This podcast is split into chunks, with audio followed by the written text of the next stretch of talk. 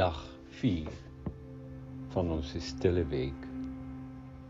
De stille week was van oudsher een gebruik in vele kerken om in de week voor Pasen een moment te nemen van stilte om na te denken over Christus, onze Heere en zijn lijden. Maar Jezus zelf, onze Verlosser, was een geboren Jood en leefde met alle oud-testamentische gebruiken en feesten. Zijn dood vond plaats op, op een van de belangrijkste feesten, het paasfeest. En om Pasen goed te mogen vieren, moest je in de week voor Pasen alle oude zuurdeeg en brood wegdoen. De kasten doorzoeken, de kruimels leeghalen.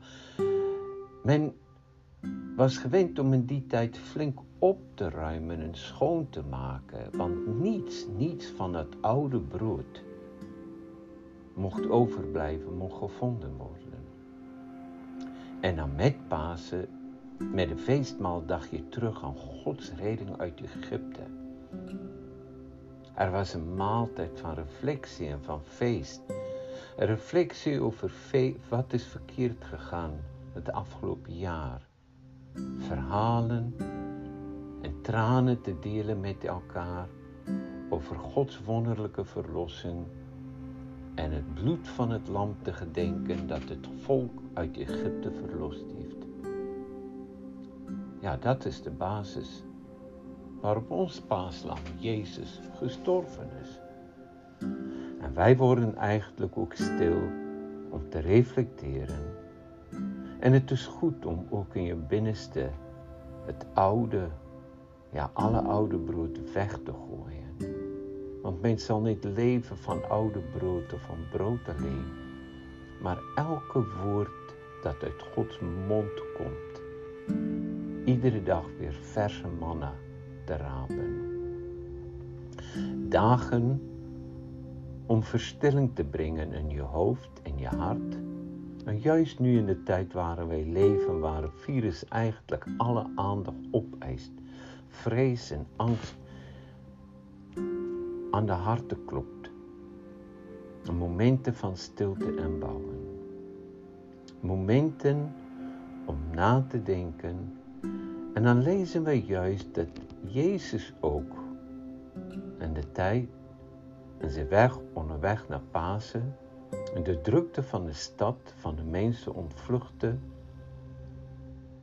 en een speciale plaats had van stilte op de Olijfberg.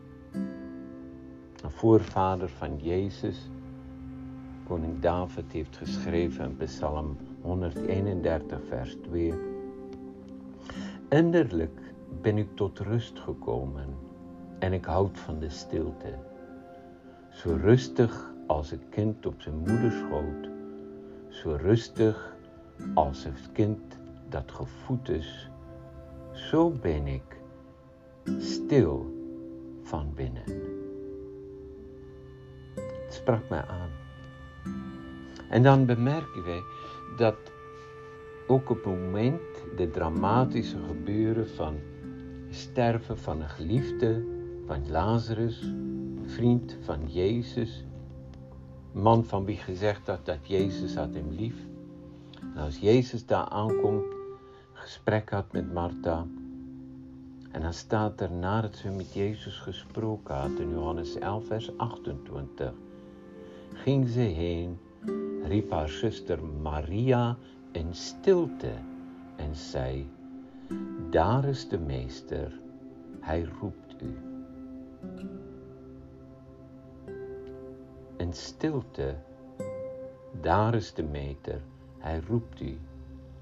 Kom ook naar een moment van stilte. Ik moest denken aan het mooie lied. In de stilte van mijn hart nader ik tot u, o Heer. In de stilte van mijn hart kniel ik aan uw voeten neer. In de stilte van mijn hart aanbid ik u als Heer. Prys u naam. Prys u naam. Prys u naam steeds weer. Tot morgen.